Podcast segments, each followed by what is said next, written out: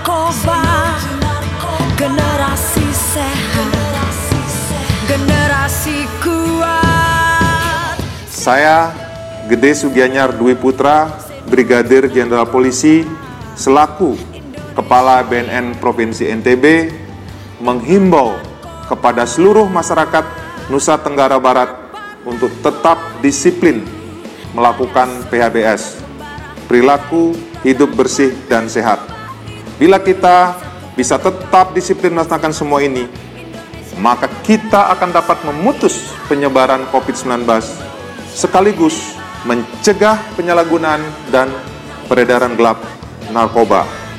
Dalam situasi pandemi COVID-19 dan keadaan darurat narkoba, saatnya kita menyatukan kekuatan dan bergerak bersama-sama melawan demi mewujudkan NTB yang gemilang, terbebas dari penyebaran COVID-19, bersih dari narkoba. Bagi korban penyalahgunaan narkoba, segera laporkan diri untuk direhabilitasi di Klinik Pratama BNN Provinsi NTB gratis. Saya, kamu, kita semua tolak narkoba. Indonesia hebat Tanpa narkoba Raih masa depan gemilang Sehat kuat, hebat, tanpa narkoba.